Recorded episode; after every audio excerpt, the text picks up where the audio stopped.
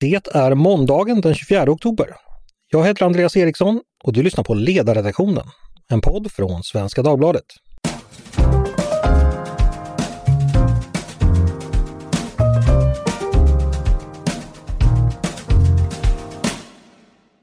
Varmt välkomna!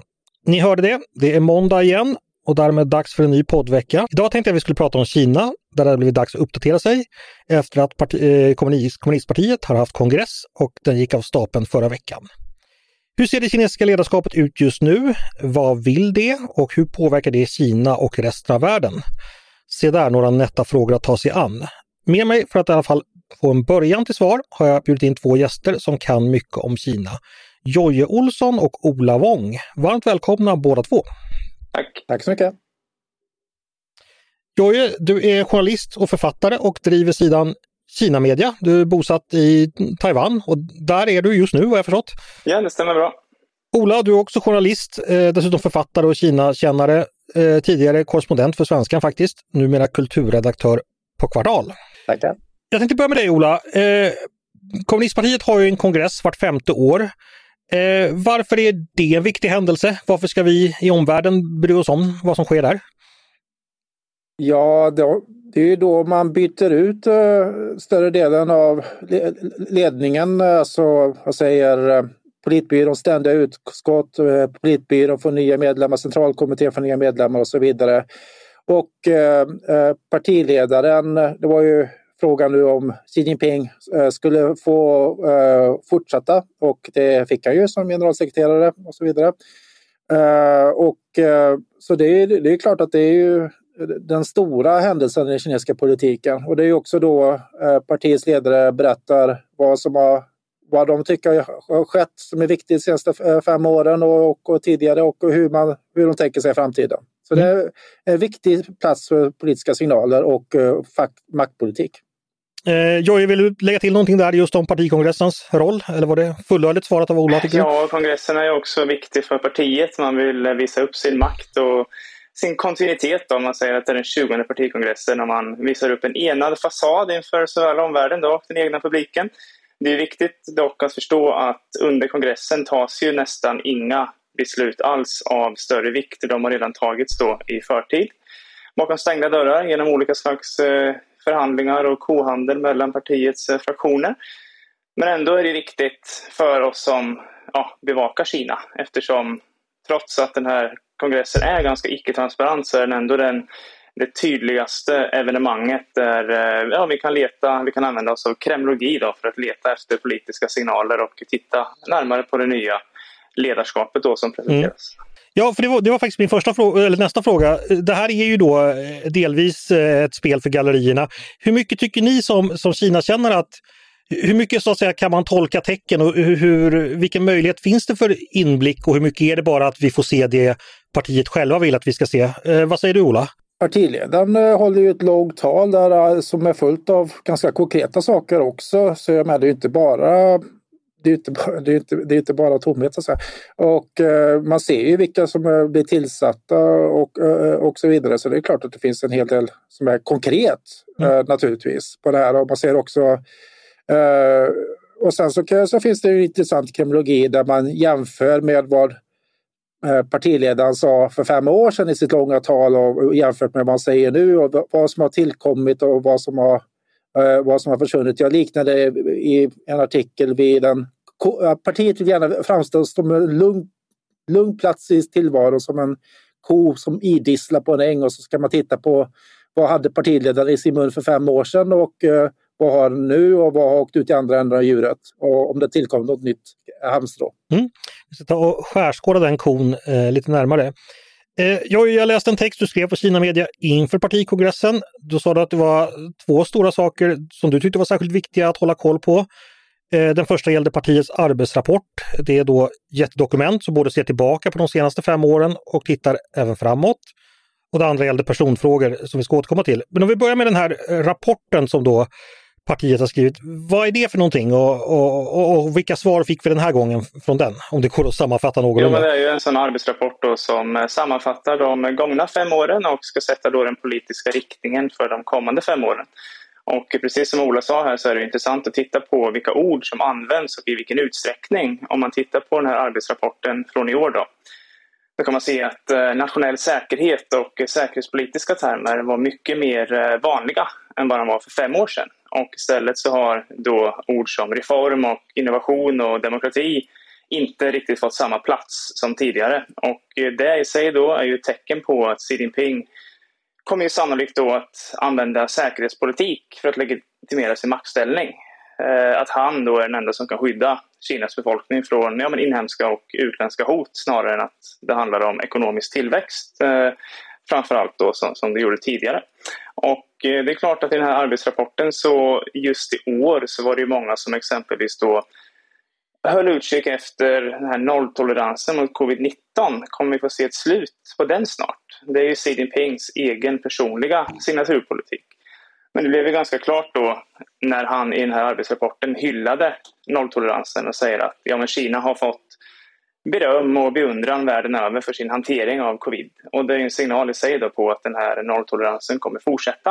Eh, en annan intressant sak var ju att han pratade om en slags ny stor kamp som behövs för att omstrukturera partiet. Eh, det sades då att eh, ja, trots alla varningar så kvarstår extravagans och hedonism inom partileden. Och det är också ett tecken på att den här antikorruptionskampanjen då som Xi Jinping har använt för att eh, dels rensa ut sina politiska meningsmotståndare, den kommer då sannolikt att eh, fortsätta. Så det gäller alltså att eh, rätta in sig i leden, eh, gav den här rapporten vid handen. Hej, jag Ryan Reynolds. At Mint Mobile, we like to do the opposite of what Big Wireless does. They charge you a lot, we charge you a little. So naturally, when they announced they'd be raising their prices due to inflation, we decided to deflate our prices due to not hating you. That's right. We're cutting the price of Mint Unlimited from $30 a month to just $15 a month. Give it a try at mintmobile.com slash switch. $45 upfront for three months plus taxes and fees. Promote for new customers for limited time. Unlimited more than 40 gigabytes per month. Slows. Full terms at mintmobile.com. Mm. Eh, det var väl en utmärkt sammanfattning. Eh, det var mycket där på en gång. Om vi börjar med eh, det här med att man, är ett ökat säkerhetspolitiskt fokus och att man går bort lite från ekonomiska reformer. Ola, var det också någonting du, du har läst in i den här rapporten och vad finns att säga? Kan du utveckla det området lite? lite? Ja, man kombinerar, alltså ekonomisk tillväxt är fortfarande prioriterat naturligtvis, men man, men man kombinerar det med eh, säkerhetstänkande och man om man eh, applicerar säkerhetstänkande på ja, det, det mesta av eh, tillvarons eh, dimensioner. Ideologisk säkerhet, nationell säkerhet och man säger också att man ska bli mer aktiv i omvärlden för att, för att säkra sina intressen och skydda kinesiska intressen, vilket kanske man kan tolka som att det kommer bli Eh, mer aktiv, eh, alltså den kinesiska säkerhetsapparaten kommer att bli mer aktiv i bland annat Europa eh, på olika sätt kan man, eh, kan man nog tänka sig. Eh, sen tycker jag att det intressanta i rapporten från Xi var den enorma vikt han lägger vid ideologi och moral. Han återkommer ju till det hela tiden i talet, att eh, hur han ser partiet som en moralisk, alltså en, en, en bärare av hög moral, som, som partiet tolkar det då och, eh, och eh, hur de ser marxismen, att, de, att, de, eh, att marxismen fungerar och att marxismen är vår ledande ideologi. Han avslutat hela talet med en uppmaning till ungdomen att vara goda socialister. Så det är stark ideologi som vi har vant oss vid under Xi Jinping, att ideologin är verkligen där han trivs bäst. Mm. Skulle man kunna säga Ola att eh, ideologin i då formen av marxism, eh, den kinesiska varianten av marxism, att den har återkommit under Xis tid på ett sätt som den inte har gjort tidigare? Eller kan man säga någonting om det? Alltså den här utvecklingen vi, eh, som vi har sett under Xi, den var på gång redan under Hu Jintaos sista år. Men den har ju blivit mycket starkare under Xi och vad som framförallt har skett under Xi är att han avskaffade modellen med kollektivt ledarskap som var under Hu Jintao. Och han, har, han har gått tillbaka till att centrera makten till sig själv i en ja, leninistisk tradition. Eh, och, eh, och att han betonar eh, att han, alltså innan så hade ju partiet, då släppte de hade de den tre representativa från Jiang Zemins tid, alltså en, en ideologisk tankegods som släpper in kapitalister i partiet. Det vänder sig Xi emot helt tydligt. Han säger att eh, kommunistpartiet är ett socialistparti som, och han säger arbetare och bönder, men han nämner ju inte näringsliv där alls, där, för vilka partiet representerar. Mm. Eh, Jojje, vill du eh, tillägga någonting när det gäller just eh, ideologin, hur den eh, syntes och vilka uttryck den, eh, eh, no, ja, vilka uttryck den fick under kongressen? Jo, men det är någonting som hänger samman med det här att Xi Jinping vill dels då ja, men centralisera makten kring sig själv. Sedan tidigare så är ju Xi Jinpings tänkande inskrivet i partikonstitutionen och den som då inte är eh, ideologiskt lydig då så att säga av eh, bland tjänstemän såväl eh, lågt som högt stående. De riskerar ju då att eh, ja, men råka ut för den här så kallade korruptionskampanjen, eh, antikorruptionskampanjen. Eh, sedan den här startade 2012 så har eh, 4,7 miljoner kinesiska tjänstemän straffats och eh, det är en ganska, stor, eh, ganska stort tal även för Kina. Nu fortsätter man då att eh, stärka den här ideologiska biten som är ett led i att om, om du inte lyssnar på Xi Jinping ideologiskt så riskerar du också att eh, råka ut för eh, partiets disciplinkommission.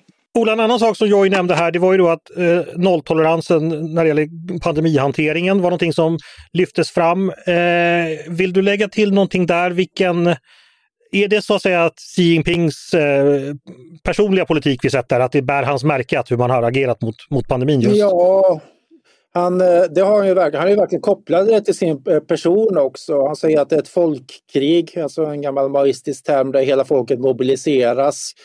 Eh, och, eh, att han, och att han betonar det, det märks också i, i personalpolitik där Li Qiang eh, blev tvåa i politbyråns ständiga utskott, vilket betyder, efter honom själv då, vilket, vilket kan man anar att det kan betyda att han kanske blir premiärminister också.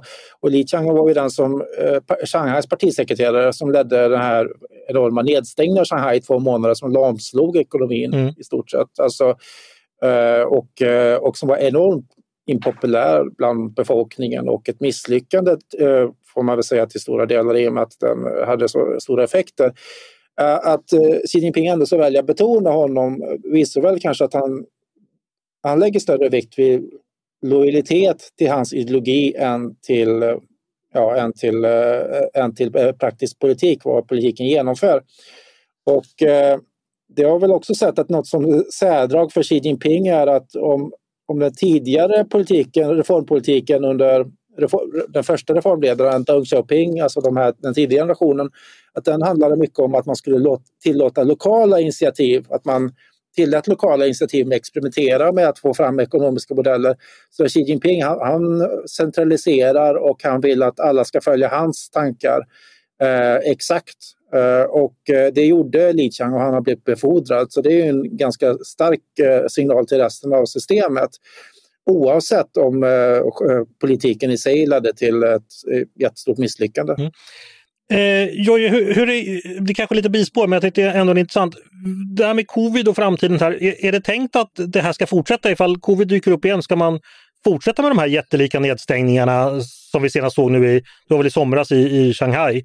Eh, är det liksom den vägen som, som det är tänkt att man ska gå helt enkelt? Där har man ju utifrån sett letat efter tecken hela tiden då att när kan det här nolltoleransen mot covid-19 komma att avslutas? Och tidigare i år så hade vi ju vinter-OS i Peking och då sa man att ja men efter vinter-OS då kommer de att släppa på det här trots allt. Och eh, nu har vi då haft partikongressen och då var det Eh, förhoppningar innan partikongressen och som sa att ja men eh, efter partikongressen kommer det bli bättre för att vi måste se till så att den eh, får hållas då utan att det blir någon slags större spridning. Men vi fick ju höra då tydligt i Xi Jinpings arbetsrapport att covid-19, nolltoleransen, är en politik som man kommer hålla fast vid. Sannolikt långt in på nästa år och kanske ännu längre än det. Och en av de främsta anledningarna till det här är ju att nolltoleransen är Xi Jinpings personliga signaturpolitik. Det är han själv som eh, har drivit den eh, politiken väldigt hårt och stundtals så har det kunnat ses i Kina då att om man ifrågasätter nolltoleransen mot covid-19 det är som att utmana Xi Jinping personligen. Och eh, om man tittar på det här nya ledarskapet som har utsetts nu då i politbyrån, politbyråns ständiga utskott men även i centralkommittén. Då är det ju allt mer sannolikt att tjänstemän kommer ifrågasätta nolltoleransen i framtiden eftersom precis då som, som Ola just sa så visar Xi Jinping med den här nya utformningen av politbyrån att det som är viktigast är inte hur man, eh, ja, men de politiska bedrifterna, hur man har presterat, utan det som är viktigast för att bli befordrad och stiga i graderna, det är att man har nära band till Xi Jinping och framförallt att man är lojal med Xi Jinping. Så det här kommer fortsätta så länge som Xi Jinping då själv anser att det är nödvändigt. Jag tror man kommer nog försöka undvika att ha fullt så drakoniska åtgärder som var i Shanghai. Utan eh, man, man, man pratar ju om dynamisk eh, noll-covid, vilket betyder att man slår ner på det men försöker begränsa på, eh, påverkan lokalt. Eh, men det är, det är svårt att få till det. Men eh, man, man för, kommer nog försöka undvika att få det fullt så drakoniskt som det var i Shanghai. Mm. Ja, den här dynamiska nollpolitiken innebär i stort sett att istället för att stänga ner en hel stad så kanske man bara stänger ner då, eh, vissa stadsdelar. Så visst, man är medveten om att den eh, tidigare nolltoleransen eh, ja, den påverkar ekonomin mycket negativt men man kommer fortfarande då inte släppa på eh, att man eh, till varje pris vill kontrollera då smittspridningen. Mm. Eh, vi ska återkomma till, till de här personerna och eh, vilka som har valts. Jag tänkte bara ytterligare en sak. Mm. Nu nämnde Jojje det här med antikorruptions kampanjen då, vilken roll den spelar för att ja, SI kan konsolidera sin makt och så vidare. Ola, vad finns att säga om den? Hur, hur fungerar den och vilken roll spelar den i, i Kina nu? Ja, alltså Xi Jinping använder ju en metod som länge har varit uh, i den kommunistpartiets uh, verktygslåda. Mao Zedong hade själv stora antikorruptionskampanjer när han behövde skapa lydnad eller om man ville göra uh, alltså, i, i det interna maktspelet och att, eller för att kunna bereda marken för stora reformer. Mm. Så, så, det, så uh, Xi Jinping använder det här verktyget, men han använder det väldigt kraftigt uh, och uh, genomgående för att ständigt hålla partiet på fötterna och hålla alla lydiga och lojala. Och, det märkte man ju också i partirapporten, för där säger han det är att eh, partiet har knäckt koden hur man ska undvika den här cykeln av eh, uppgång och fall som, eh, alla, all, ja, som regimen drabbas av.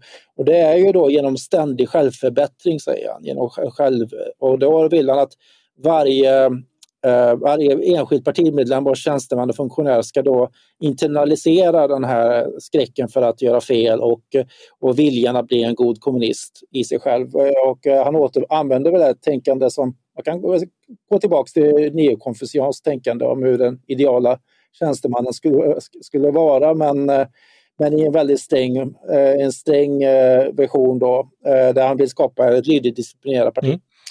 Eh, nu har vi använt, pratat mycket här om partiet och eh, centralkommittén och partikongressen och eh, ständiga utskott och så vidare.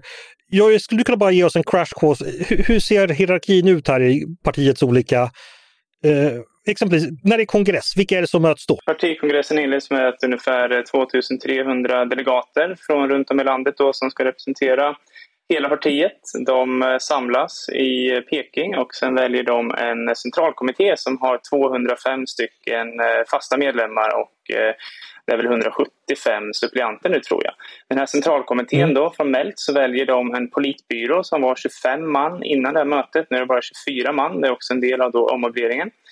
Och Eh, sen väljs då även ett eh, så kallat ständigt utskott där det sitter sju personer då. Och de här eh, ja, olika politiska organen de väljs då inom situationstecken om vart, vart femte år. Och, men ja, i praktiken så har ju de här besluten redan tagits innan, innan kongressen startar. Mm. Och makten, finns det i det här ständiga utskottet? Kan man förenklat säga det så? Ja, det kan man säga. Det ständiga utskottet är det absolut eh, viktigaste politiska organet i Kina som då leds av generalsekreteraren Xi Jinping och eh, ja, alla stora beslut fattas av eh, politbyråns ständiga utskott. Och eh, det mycket intressanta med det här utskottet då är ju att Eh, efter Mao Zedongs eh, död 1976 när Deng Xiaoping så småningom tog över makten, då gjorde man ju om lite grann för att man ville inte att eh, någon framtida ledare skulle få samma möjlighet att centralisera makten kring sig själv och kasta Kina in i kaos på samma vis som Mao Zedong gjorde under kulturrevolutionen. Så med tiden så infördes då en rad regler som skulle göra att den här politbyråns ständiga utskott och politbyrån också för den delen skulle bli mer då konsensusbaserat. Exempelvis så eh, skulle man då ha ledamöter från partiets olika fraktioner. Eh, man införde en åldersgräns då på att eh, om en tjänsteman har fyllt 68 år innan en partikongress inleds så förväntas han att dra sig tillbaka i den partikongressen och då att en president får inte sitta längre än två mandatperioder.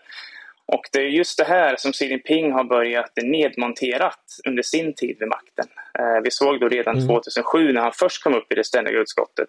Då avskaffade han den interna demokratin som trots allt började utvecklas i partiet. När man faktiskt då hade omröstningar i centralkommittén om politbyrån. Det har man nu avskaffat till fördel för ett system där Xi Jinping själv eh, har större inflytande genom personliga möten och så vidare.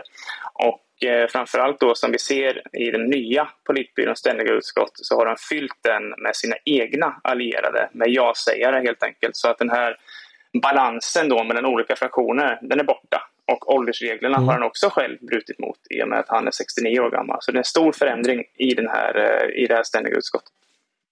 Precis, han då har blivit vald för en, en, tredje period och dessutom så är han då fallet för åldersgränsen. Eh, Ola, vad kan du berätta om det här eh, utskottet? Eh, jag säger att han, det, det, är nu fullpackat med Xi Jinpings allierade. Eh, var det förväntat och hur, hur gick det till? Ja, hur det gick till det, det vet vi ju inte för det, det, det, det, det var, eh, systemet var slutet innan och det är väldigt mycket mer slutet nu kan man säga. Eh, för fem år sedan var jag på plats i Peking och bevakade kongressen eh, men nu är det, det, det, det är mindre internationell närvaro nu helt enkelt och mindre läckor också.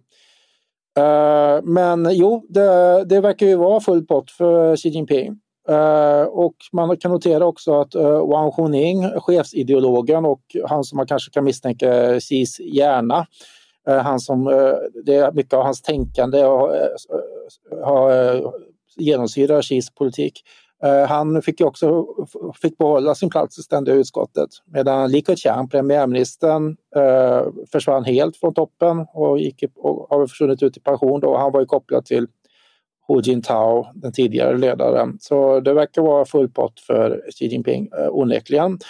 Men däremot så det hade ju spekulerats i om man skulle få någon ny grandios titel som folkets ledare eller ordförande, på, eh, alltså Juxi, eh, som, som Mao var senast partiordförande. Men det har han inte fått. Vad det beror på vet man inte eller om det kommer komma senare. Det är möjligt.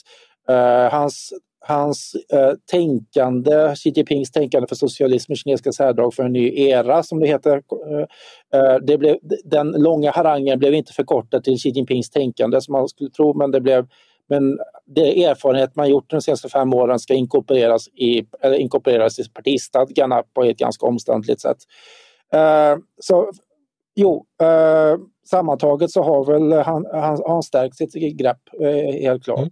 Och eh, det var ju något som man kunde ana. Den här eran, Xi Jinpings era, den började ju redan 2017 vid förra partikongressen.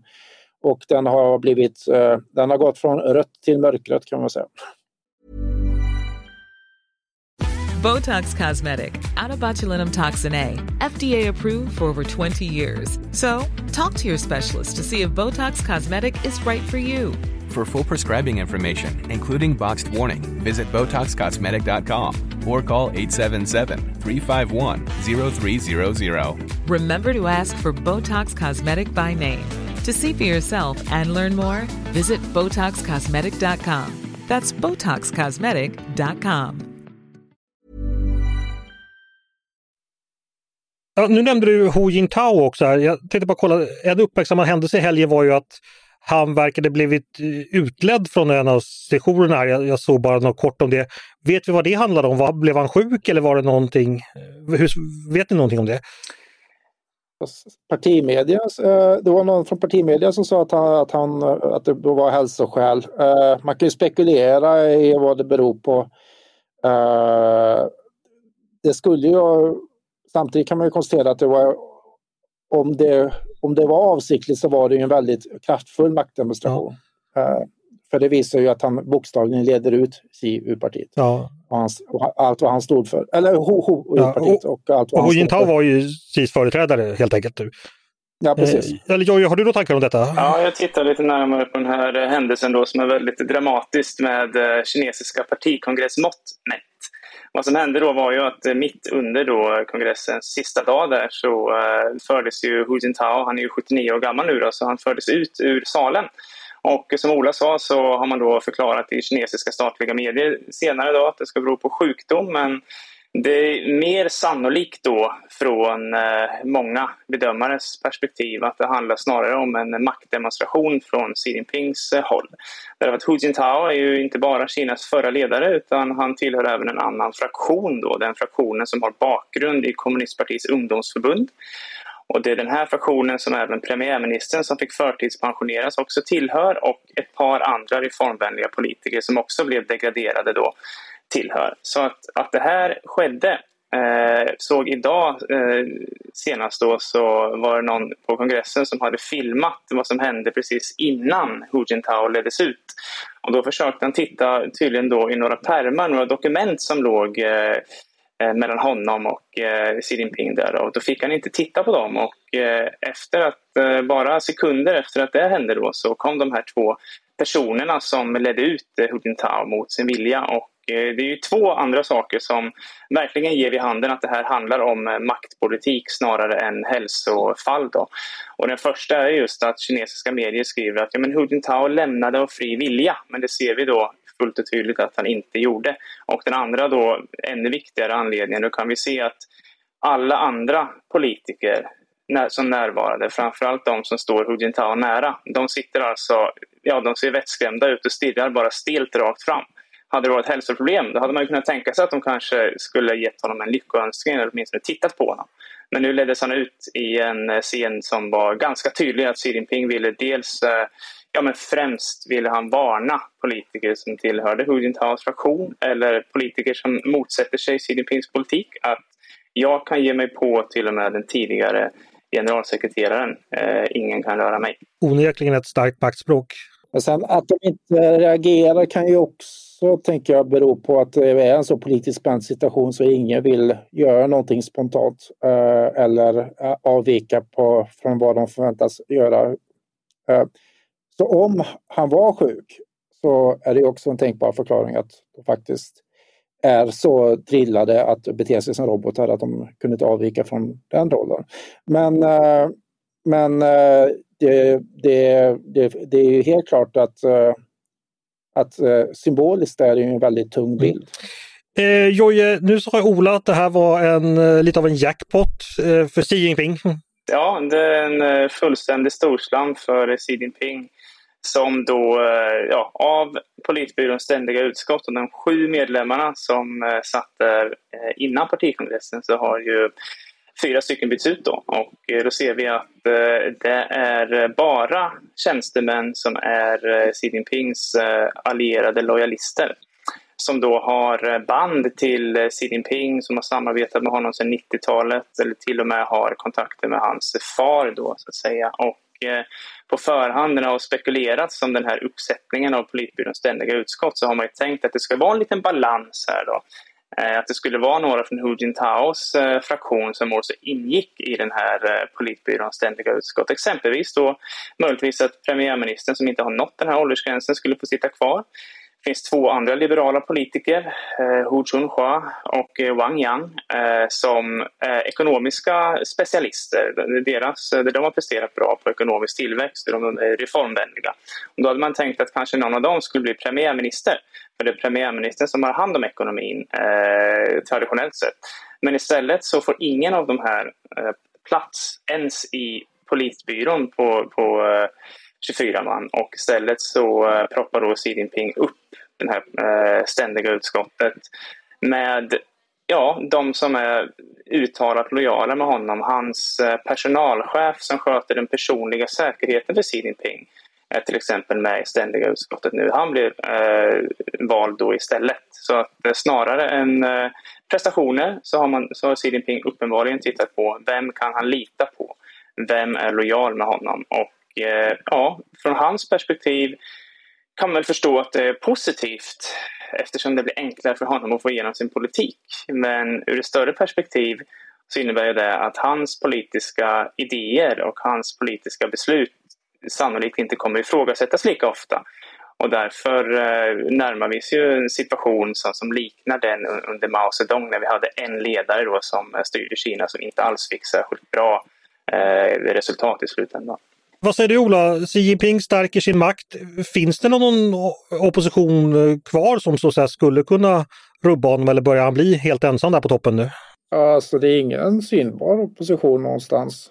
Eh, och eh, det finns en sådär desperata letande efter tecken på opposition. Man såg innan kongressen så var det en, en, en bild av uh, Song Ping som nu har fyllt 105 år, en gammal partiveteran som pratar om vikten av reformer och det tolkar några som en utmaning mot eh, Xi eller att Li Keqiang, premiärministern, åkte ner till Shenzhen och besökte en staty av reformledaren Deng Xiaoping.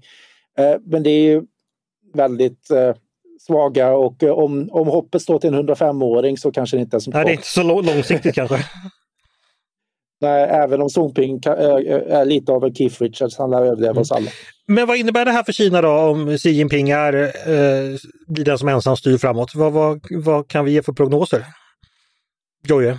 Jo, men eh, dels då att eh, den här idén som man hade för att undvika ett liknande kaos som rådde under Mao Zedong, den här idén med att man ska balansera upp det översta toppskiktet med olika fraktioner och eh, olika intressen.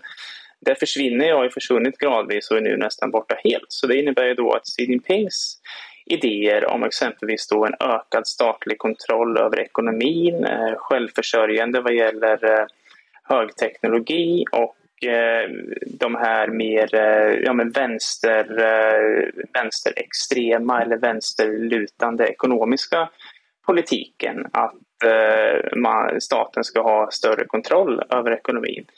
Den teorin, den idén från honom kommer inte stöta på mycket patrull i toppen och därför är det enklare att genomföra det. Och eh, ja, jag sitter ju här på Taiwan och eh, det finns ju givetvis en stor oro då för att eh, det ska uppstå en väpnad konflikt, en kinesisk attack mot Taiwan. Och nu vad vi har sett då när eh, det ständiga utskottet är eh, upproppat med eh, Xi Jinpings allierade och dessutom har han satt en av sina främsta allierade militärer på den högsta generalspositionen. Så om det uppstår ett tillfälle där han känner sig pressad att ta ett sådant beslut, då är det också väldigt få personer som skulle gå emot honom. Så det innebär att man har förlorat den här interna demokratin som började utvecklas under partiet och som faktiskt existerade under företrädaren Hu Jintao. Och man går tillbaka mot en, ja, men en eh, one man rule, en enväldig ledare. Och den här, eh, ja, slutligen då den här personkulten som man eh, har försökt avveckla i framtiden när Mao Zedong dog. Den har ju då uppstått igen. Jag läste en artikel ganska nyligen här om ett nytt museum som har öppnat i Peking på tre våningar som är tillägnat kommunistpartiets hundraåriga historia. Och på de tre våningarna så är en hel våning dedikerad i stort sett bara då till Xi Jinping.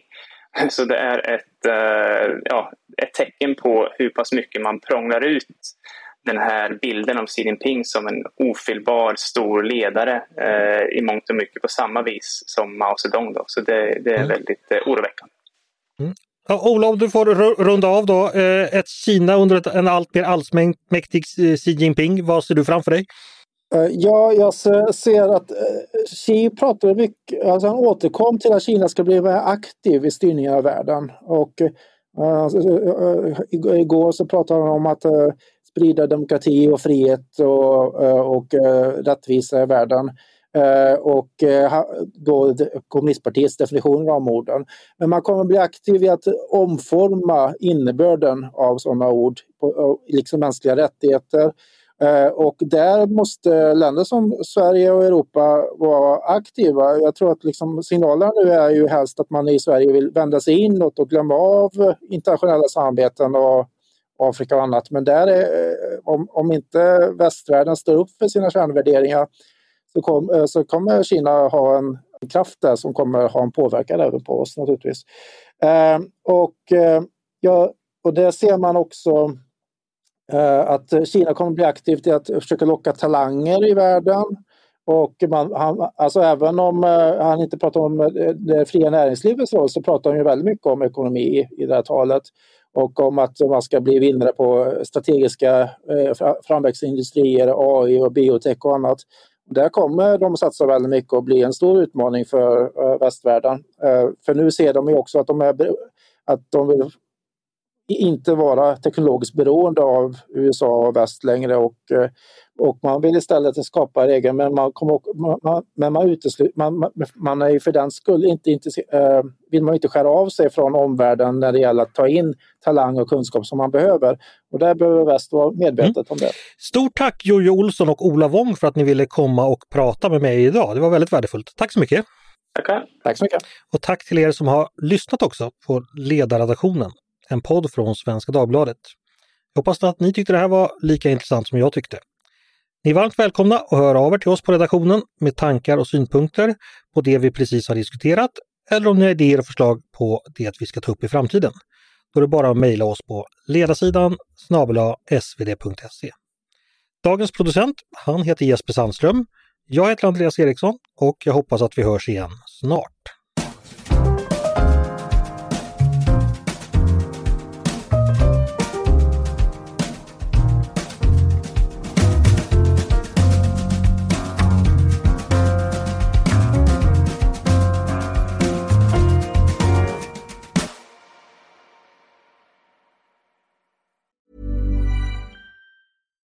Botox Cosmetic, out of botulinum toxin A, FDA approved for over 20 years. So, talk to your specialist to see if Botox Cosmetic is right for you.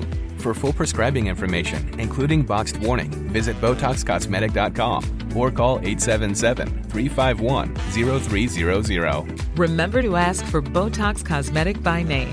To see for yourself and learn more, visit BotoxCosmetic.com. That's BotoxCosmetic.com.